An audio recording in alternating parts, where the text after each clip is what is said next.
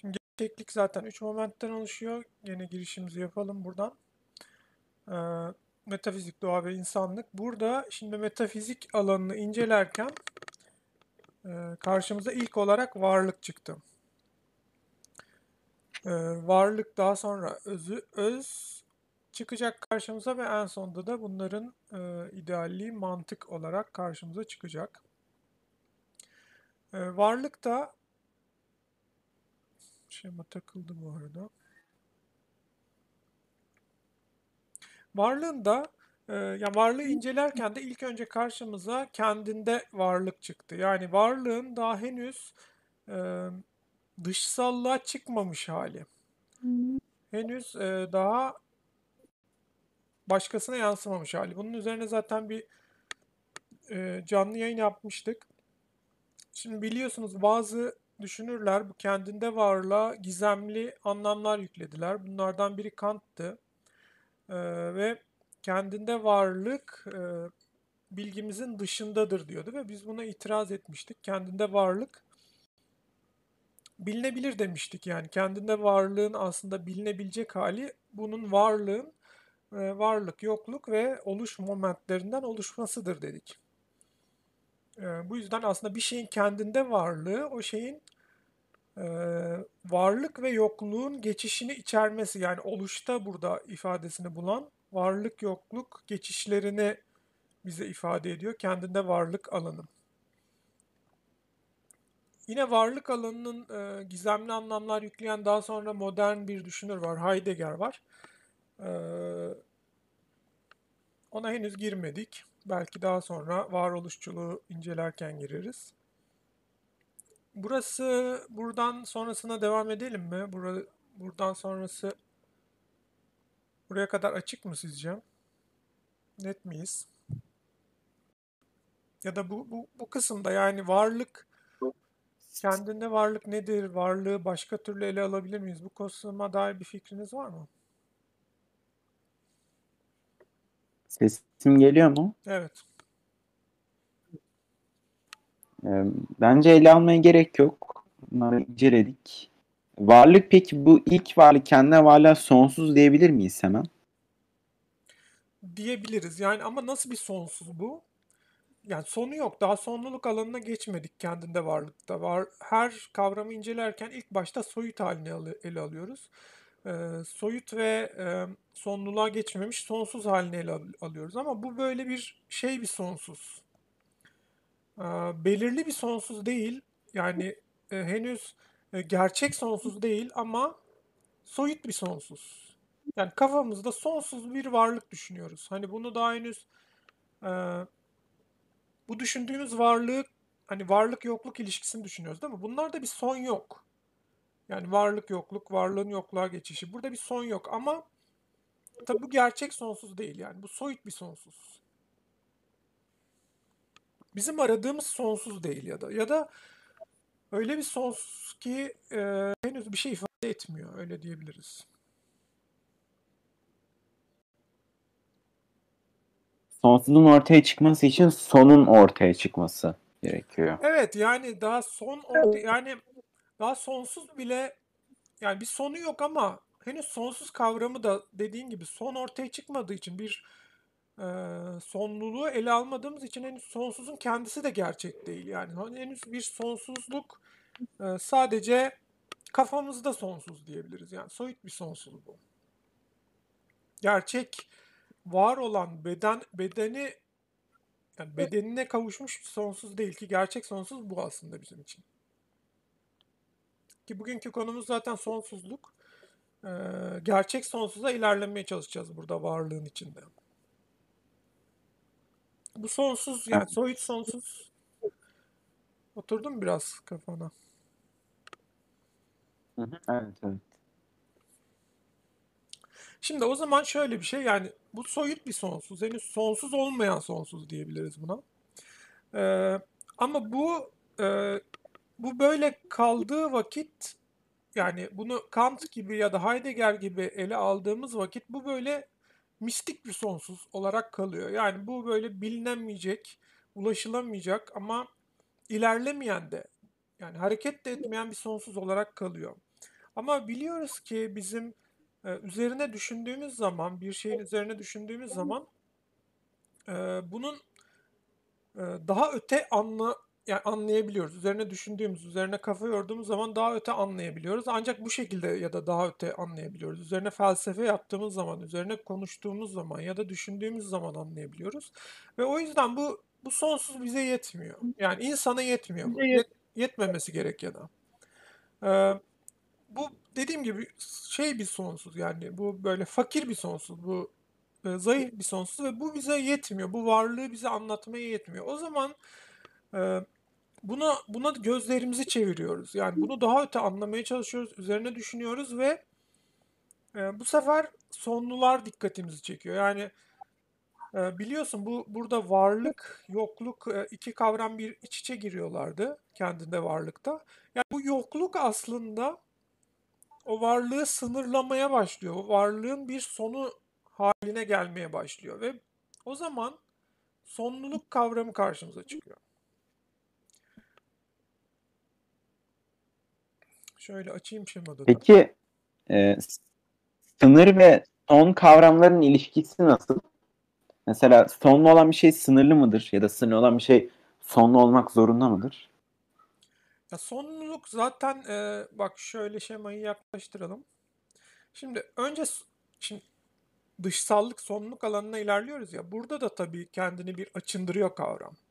Yani burada öncelikle o şey var tamam mı? O şey var olması bize nitelik olarak görünüyor. Yani kendisini e, var etmesi bize bir e, yine bir soyut moment olarak nitelik olarak görünüyor. Ve bunun bu niteliğin e, sonluluğu da senin dediğin gibi aslında sınırda karşımıza çıkıyor. Bak şemamızda bu, bu şey var zaten. Yani bir şeyin başkasıyla ilişkisi, bir niteliğin başka nitelikle ilişkisi, bir varlığın başka varlıkla ilişkisi o niteliğin sınırlandığı yer ya da o varlığın sınırlandığı yer oluyor. Ki burada da sonluluk aslında karşımıza sınır olarak çıkıyor. Evet. Güzel yapabildik mi bu geçişi yoksa yani e, tabii daha güzel yapılabilir. Hani en güzel bu geçişi ben yapıyorum gibi bir iddiam yok. Mesela siz de katkı koyarsanız belki daha güzel bir geçiş yapabiliriz. Ama yani burada sanki anlaşılır gibi değil mi? Yani nitelik diye bir şey var karşımızda. Varlık artık bize nitelik olarak görünüyor sonluluk alanında. Gene aynı varlık aslında ama sonluluk sonlu bir varlık artık nitelik tamam mı? Sonu olan bir varlık ve bunun bir Aslında başkası belli olduğu için belirli, belirli olduğu için nitelikli bir varlık. Evet, aynen. Yani belirlendi artık. Belirli ya zaten sonluluk belirlilik anlamına geliyor. Varlık artık belirli hale geldi ve nitelik olarak karşımıza çıktı. Sonlu olarak karşımıza çıktı. Ve bu niteliğin bir başka niteliği ya da bu soyut varlığın bir başka varlıktan ayrıldığı yer onun sınırı. Ve bu bize sonluluğu veriyor. Yani sınırda sonlanıyor artık değil mi? Yani bir şey sınırda sonlanır. O yüzden sonluluğu elde ederiz. Yani sınır kavramı burada yerine oturuyor aslında. Ve böylece sonluluk kavramı yani varlığın sonluluğu karşımıza çıkıyor. Daha önce soyut bir sonsuzluk içindeydik. Ama bu bize yetmedi çünkü çok soyuttu yani üzerine çok fazla konuşamadık bile. O yüzden e, bunun sınırında artık sonluluk kavramı karşımıza çıktı. E, buraya dair daha başka ne söylenebilir diye kendimi zorluyorum açıkçası.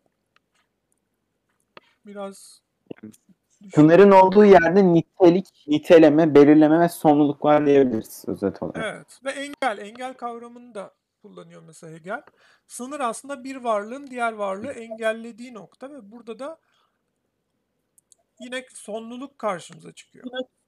Yani aslında belirlemek, bir şeyi belirlemek onu sınırlamak oluyor. Bir şeyi belirlemek, bir varlığı belirlemek, bir niteliği belirlemek o niteliğin başka nitelikten ayrı, ayrımını belirtmen, sınırını belirtmen gerekiyor bunu yapmak için ve bu da e, karşımıza çıkıyor. Yani bu ikinci momentte karşımıza çıkıyor. Bunu e, Spinoza çok güzel bir şekilde ifade ediyor. Diyor ki tüm belirleme olumsuzlamadır diyor. Yani aslında burada biz varlığı artık bize yetmedi ya o soyut varlık. Onu belirlemek istedik. Daha öte anlamak istedik, belirlemek istedik ve o yüzden onu sınırladık. Yani karşımıza sınır kavramı çıktı artık ya da sınır vardı biz bunu fark ettik de diyebiliriz. Ve e, bu yüzden o hani Spinoza'nın dediği gibi olumsuz diyerek belirlemiş olduk varlığı. Ama Spinoza Parmenides'ten sonra bunu en az kullanan filozoflardan biri herhalde söyleyip. E, ya evet öyle diyebiliriz ama tabii bu, bu e, ifadeye önem vermediğini söylemek çok doğru olmaz. Çünkü bu ifade yani Spinoza'dan bize kalan e, önemli düşüncelerden biri.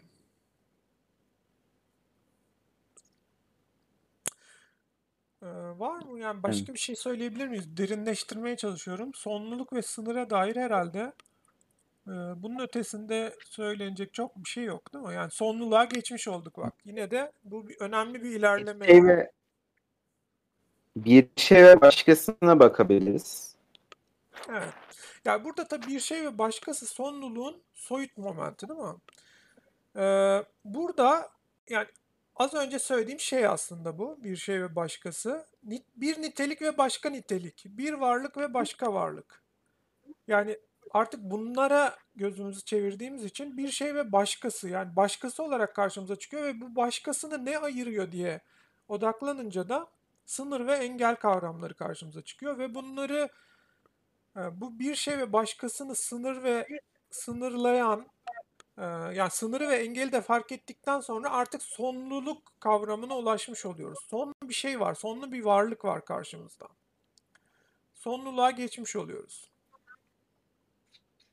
Ve bu sonluluktan sonra artık e, bunun idealliği sonsuzluk. Yani bu sonluluktan sonra sonsuzluğa geçeceğiz.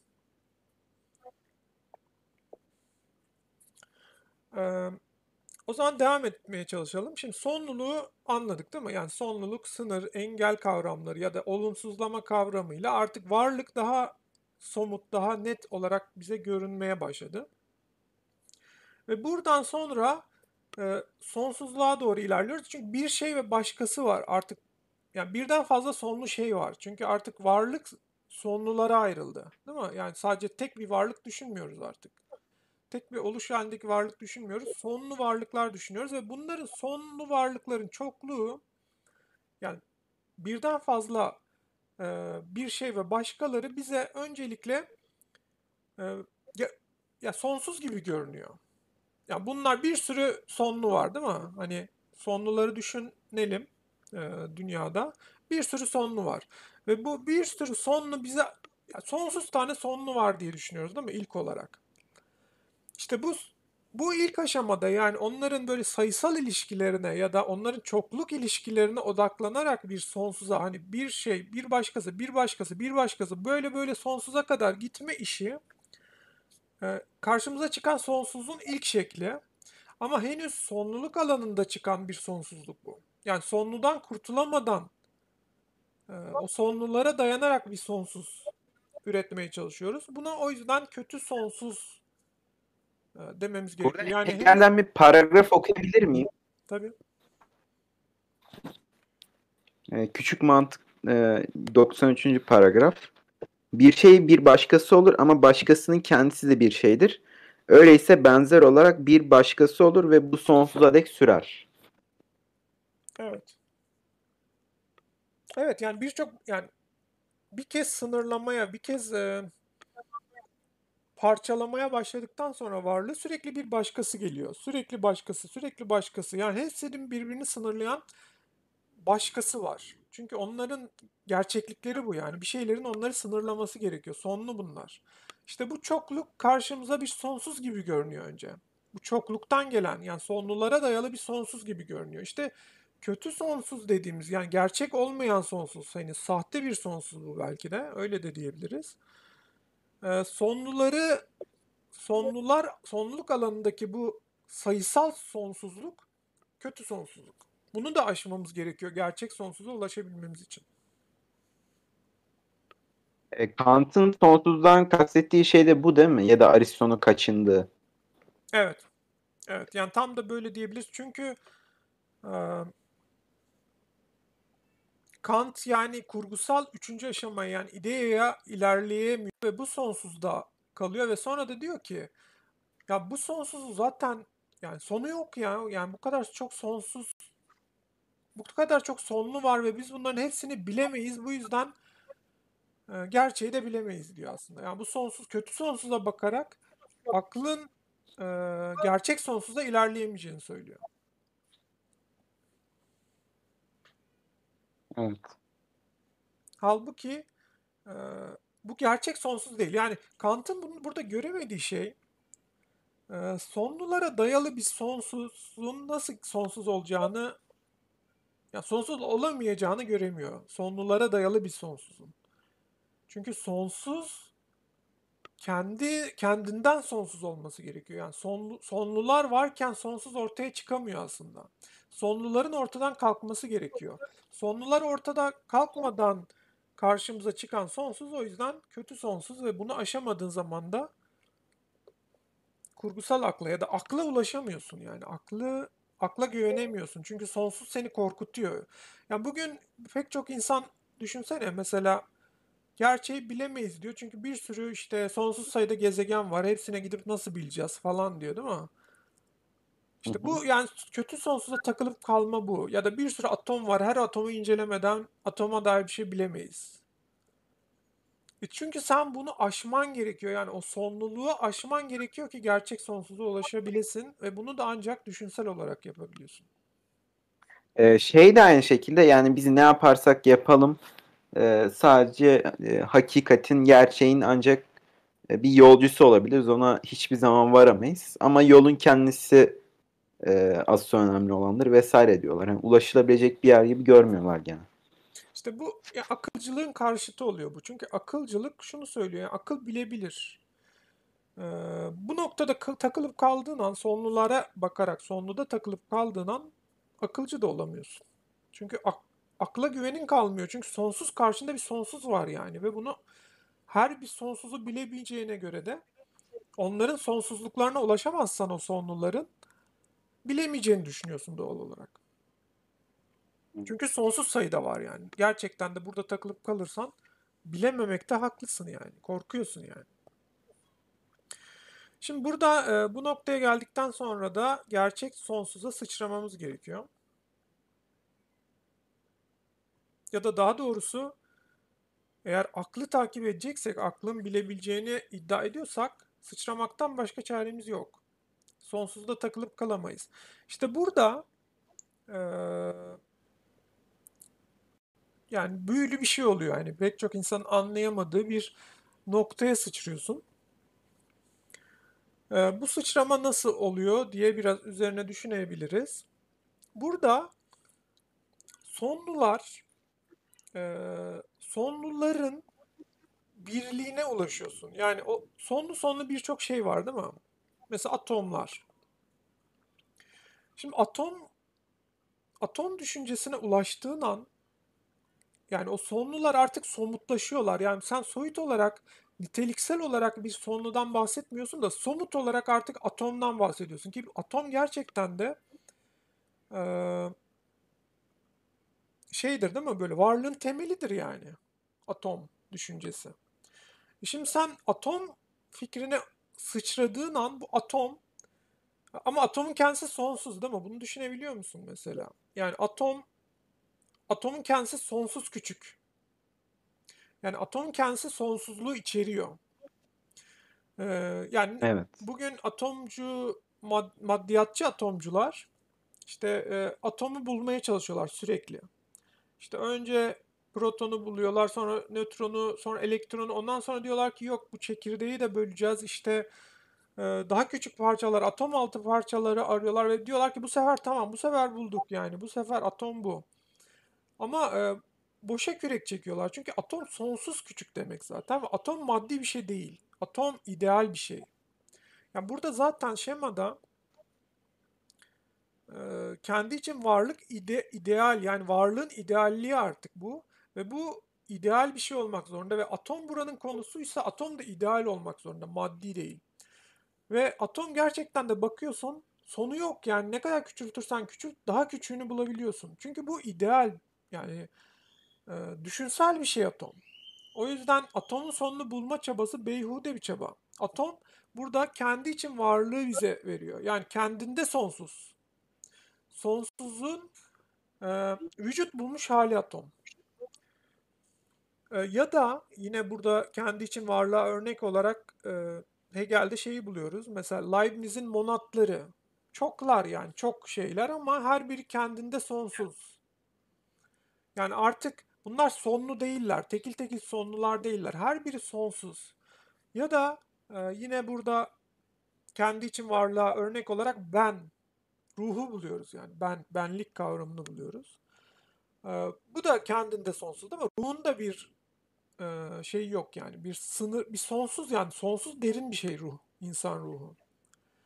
Ve Evet, kendinde sonsuz. kendinde sonsuz ve işte burada artık yani varlığın idealliğine, varlığın gerçekliğine bu kendinde sonsuz şeylere ulaştığımız zaman ulaşıyoruz. Yani artık tekil tekil e, sonlularda değil, kendinde sonsuz olan şeylere ulaşıyoruz. Dediğim gibi monat gibi, atom gibi ya da benlik gibi. Ve bunlar da e, gerçekliğin temeli, temelini bize veriyor. Yani bu aşamaya geldikten sonra artık e, insan düşüncesi, atomistik düşünceye ilerledikten sonra ya da ben kavramına ilerledikten sonra e, artık varlığın temelini anlamış oluyor. Kendinde varlığın soyutluğunda kalmamış oluyor. Sonlularda da takılıp kalmamış oluyor ama varlığı oluşturan temel birimleri, varlığı oluşturan temel sonsuzları anlamış oluyor. Bu da kendi için varlıkta ya da gerçek sonsuzda karşımıza çıkıyor. Bunlar da e, birbir, birbirlerine tek tek tek atomlar olarak düşünüyoruz ve sonrasında bunların çok olduğunu, e, çok olması için birbirini itmesi gerektiğini düşünüyoruz. Yani atomlar birbirini iterek e, çok oluyorlar Bu ve şekilde e, şöyle düşün- şöyle düşünebilir miyiz? Mesela devlette e, birbirinden tekil tekil ayrı olarak e, bireyler var. Bu bu bireyler bize çok parçasını veriyor. Devlet ise e, tek parçasını veriyor diyebilir miyiz? Evet, güzel bir örnek olur. Yani burada önce tek olarak birey var. Sonra bireyler olarak toplum var ki toplum bize çoku veriyor, değil mi? Yani çok olan bireyler. Ve e, bunların idealliği de itme ve çekme ilişkisinde karşımıza çıkıyor. Tabii burada itme kavramı daha çok çoka ait, değil mi? Çok olmak için birbirini itmesi lazım. Mesela to- senin verdiğin örnek üzerinden düşünürsek toplumda her bireyin kendi çıkarı var ve çıkarlar çatışması oluyor. Birbirlerini itiyorlar birbirle- birbirlerinden. Ama sonrasında devlet kavramı bunları bir araya getiriyor ve o zaman çekme karşımıza çıkıyor. Çekme kuvveti karşımıza çıkıyor ve devlette artık idealliğine ulaşıyor bu toplumlar. Ve burada da bir çekme ilişkisini görüyoruz. Ya da doğadan örnek verirsen de işte pek çok gezegen var. Bunlar e, birbirinden ayrı duruyorlar. Bunlar merkez kaç ya da birbirine itme e, bir itme kuvveti var ki birbirlerine yapış- yapışmıyorlar değil mi? Ama bunları bir de yer çekimi var. Yer çekimi de bunların ideallikleri ve bu da e, yer çekimi de onların birliklerini, idealliklerini bize veriyor. Valla böyle çok hızlı ilerliyoruz ha İbrahim. Biz bundan sonra birebir birebir mi ilerlesek seninle? Şaka yapmıyorum tabii. Daha çok insan olsa, daha çok kat- katılım olsa daha güzel olacak. Ama bayağı Bu ilerledik. Şu an chatten sorular gelmiş. efendim Chatten sorular sen gelmiş e, YouTube okur musun chatinden. ya? Onları okuyabilir misin? Yardımcı olur musun bana? E, fiziksel olarak sonsuzluk mümkün müdür? İşte fiziksel olarak sonsuzluk az önce söylediğimiz gibi mümkün. Yer çekimi e, sonsuz bir çekim değil mi? Hatta günümüzün popüler nesneleri var. Kara delikler değil mi? Orada sonsuz bir çekim var artık. Sonsuz madde var hatta. E, işte bu sonsuz mesela. Ya da atom. Atom da e, yani fiziksel atom da bir sonsuz mesela. Sonsuz küçük. Fiziksel olarak da sonsuz o yüzden mümkün. E, peki e, uzay için bunu diyebilir miyiz? Uzay da Yani sonsuz evet. sonsuz Aynen. sınırları olmayan. Tabii uzay da sonsuz. Ama işte uzayın sonsuzluğu biraz bu kendinde varlık gibi. Yani soyut bir sonsuzluk.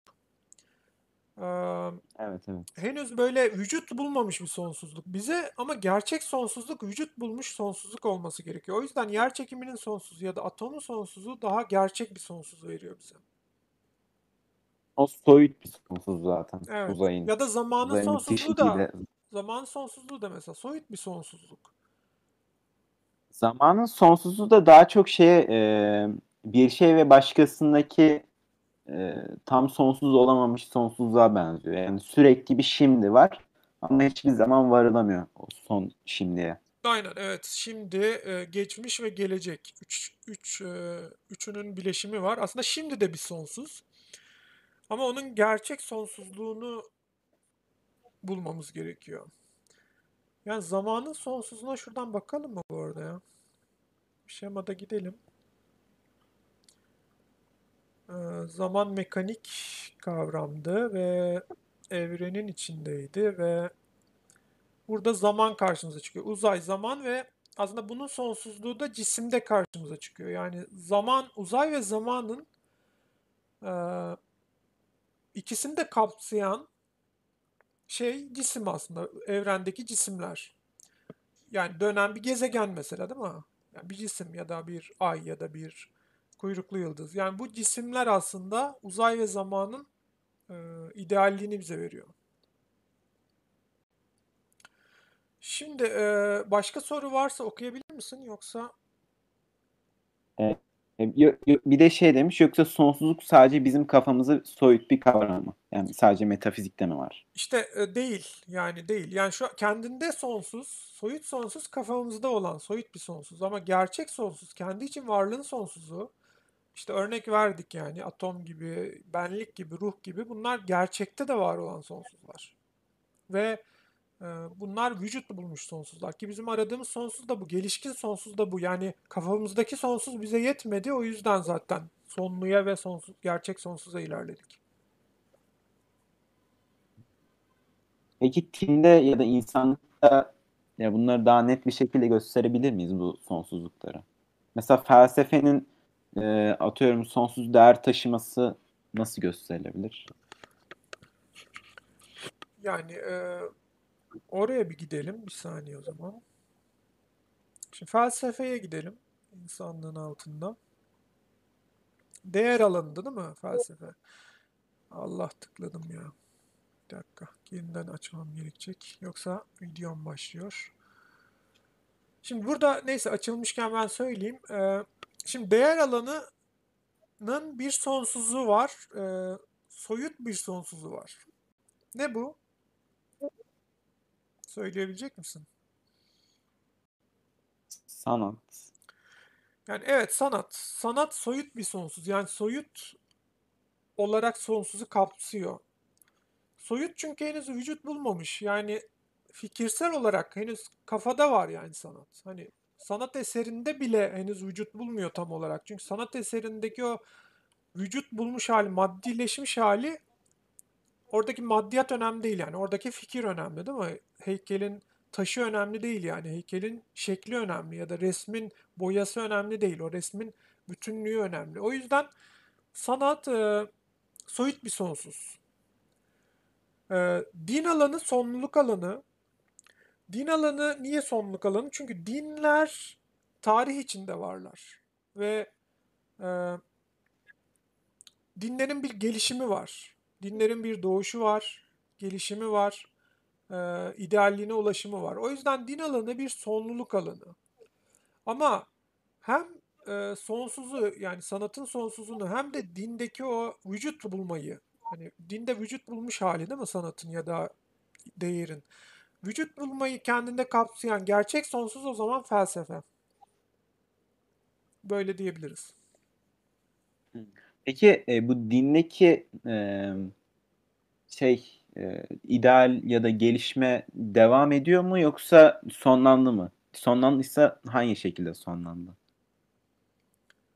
Ee, yani mutlak bir dine ulaşmadığımıza göre henüz tüm dünyayı kapsayan e, bir dine ulaşmadığımıza göre sonlanmadığını görüyoruz şu an. Peki, peki belki de böyle bir din gelmiştir. İnsanlar ona e, aynı Hegel'in felsefesine e, değer vermedikleri gibi o dine de değer vermiyorlarsa. Olabilir ama işte yani şu an henüz verilmiyorsa bile bu şu anlama geliyor. Demek ki henüz yani bitmemiş bu yolculuk. Ki insanların hmm, çünkü o zaman anladım. değer vermesi ya da herkesin bunu kavraması gerek. Şimdi Peki e, bu din nasıl olmalı? Yani bu ideal din ne şekilde olmalı?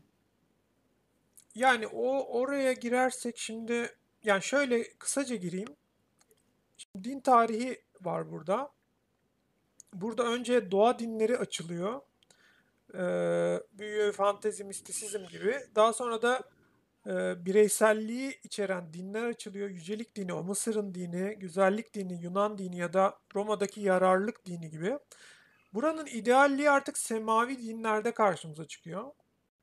Semavi dinlerin karakteri de e, dinsel ilkeler, soyut olarak o dinin ilkeleri, e, cemaat ve evrensel dinin kendisinde vücut buluyor. Yani bunlar nedir? Bunları tabii daha detaylı tartışmamız lazım. Yani ideal dinsel ilkeler ne olmalıdır? İdeal cemaat nasıl bir cemaattir ve evrensel din nasıl bir dindir? Bu yani şu an konuşamayacağımız kadar büyük bir konu.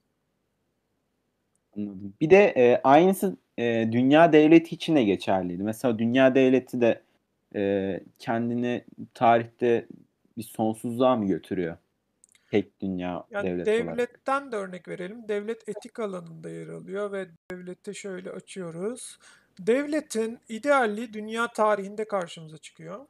Yani anayasa soyut devlet, uluslararası hukuk bunun dışsallaşmış hali ve tarih bunun artık idealleştiği hal ve ideal yani tarihin tamamlanması da senin dediğin gibi Doğu despotizmi, Akdeniz medeniyetleri, Orta Dünya ve Batı toplumlarının eee, son momentinde karşımıza çıkacak ki bu da dünya devleti momenti.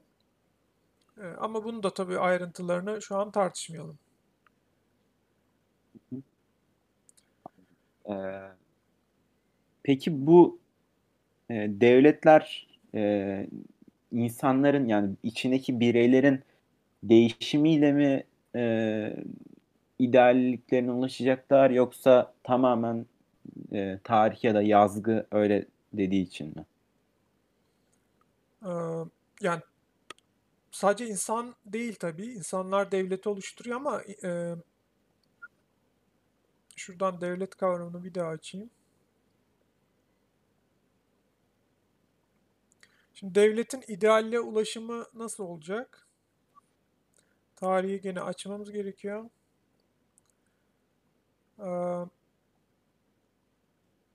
tarihin sonu nasıl olacak? Yani burada tabii e, tarihin tamamlanması gerekiyor ve tarihin tamamlanması olan da sadece bireyler değildir. Burada devletin devleti oluşturan iki birim daha var biliyorsun. Aile ve toplum.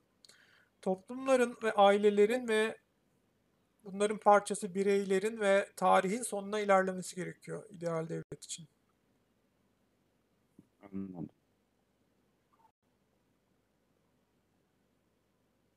Var mı başka soru yoksa yavaş yavaş da tamamlayabiliriz konumuzu. Yarım saat oldu ama iki kişi olunca hızlı ilerledik.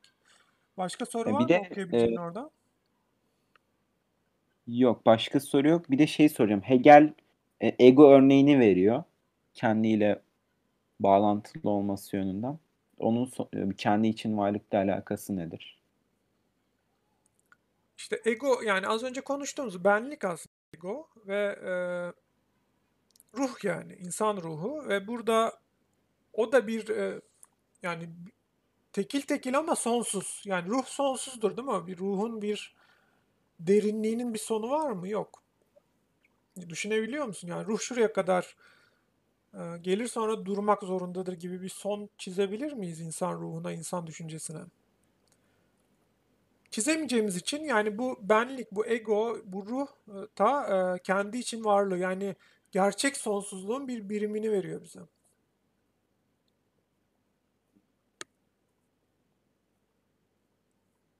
E, peki kendi için varlık için bir de e, kendini başkasında bulma, aradaki sınırı kaldırma, kaldırmadan bahsediyor. Yani evet sonsuz e, yani bir insan ya bir benim bir mesela yine ego örneği üzerinden gidelim. Bir egonun sonsuzlaşması nasıl olur? Yani bir insanın e, sonsuza bir ruhun sonsuza ulaşması nasıl olur? Sınırları aşmasıyla olur. Yani şimdi şurada sonluluk alanında sınırdan bahsettik değil mi? sonluluk sınırdı. Yani birbirini so- sonlayan varlıklar sınırı oluşturuyordu. Ee, eğer bir insanın e, sınırları yani bir insan eğer ruh eğer sınırsızsa o zaman bunun sınırsızlığı, bunun sonsuzluğu başka ruhlarda da kendisini bulması demek oluyor. Ee, yani başka düşüncelerde, başka bireylerde ya da doğada kendi aklını bulması gerek oluyor, demek oluyor. Yani bütün sınırları kendi aklıyla aşması demek oluyor. Bu bu şekilde ruhun sonsuzluğunu kavrayabiliyoruz. Ee, bunu da sevgi kavramında aslında buluyoruz. Yani başka şeyleri sevmesi bir ruhun e, onları kendisinin bir pa- parçası olarak algılaması ya da kendisini onda kendisini bulması, başkasında kendisini bulması ve sınırı aşmasıyla mümkün. Bu da bizi Evet bunu sonsuzluğuna sanatta da çok. Evet, sanatta da aynen. Tabii canım ya her yerde Yani geçerli bu. Bir tek burada değil. Bu sadece şu an şemanın temelindeyiz. Temelinde olan şey her yerde geçerli demektir yani. Gerçekliğin temelindeyiz temelinde sevgiyi mi kullanıyor yani temel e, duygu ya da belirlenim olarak? İnsan ruhu için sevgiyi diyebiliriz ama işte ne bileyim doğa için yer çekimi diyebiliriz mesela ya da e, Hmm. yani her bir varlık için farklı düşünmemiz lazım bunu. Çok yani sevgiye de vermesi mantıklı. Evet. Sevgi o yüzden yani insanı sonsuzluğa, ruhumuzu sonsuzluğa ulaştıran kavram aslında. Şimdi İbrahim Evet. bence Ama burada e, Hegel'in bahsettiği de tek yanlı bir sevgi değil.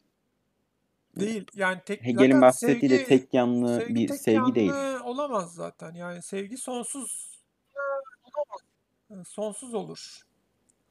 Ya tabii kar yani şey vardı ya Can Yücel mi diyordu? Elmayı sen seviyorsan elma da seni sevmek zorunda mı gibi. Yani karşı taraf seni sevmeyebilir ama o zaman o sonsuzluğa ilerleyememiş demektir. Yoksa sevginin tek yanlı olduğu anlamına gelmez. Sendeki sevgi zaten sonsuz yani. Sevebildiğin kadar tabii. Aynen. Şimdi bence burada e, bırakalım. Yani şu an e, amacımıza ulaştık. Sonsuz kavramını incelemiş olduk. Bundan sonra zaten e, karşımıza e, artık varlık, e, varlığın var- arı varlık alanından çıkacağız ve sayısallığa, matematik felsefesine ilerleyeceğiz. Niceliğe ilerleyeceğiz. Bunu bir sonraki e, videoya bırakalım. E, sayısallık ve ölçüye ilerlediğimiz zaman artık varlık bilim alanından çıkıp daha sonra da öz alanına ilerleyebileceğiz. Bunları sonraki videolara bırakalım. Ne dersin? Olur. Güzel sorular var orada da. Tabii tabii yani bence bu bu videoda güzel ilerledik ama yani gönül isterdi ki tabii daha çok soru, daha çok bakış açısı olması bize de daha farklı yönlerden anlatma imkanını veriyor. Ee, ama bugünkü videomuzu bu şekilde kapatalım. Teşekkür ediyorum. Sonlandırıyorum yayını. Görüşmek üzere.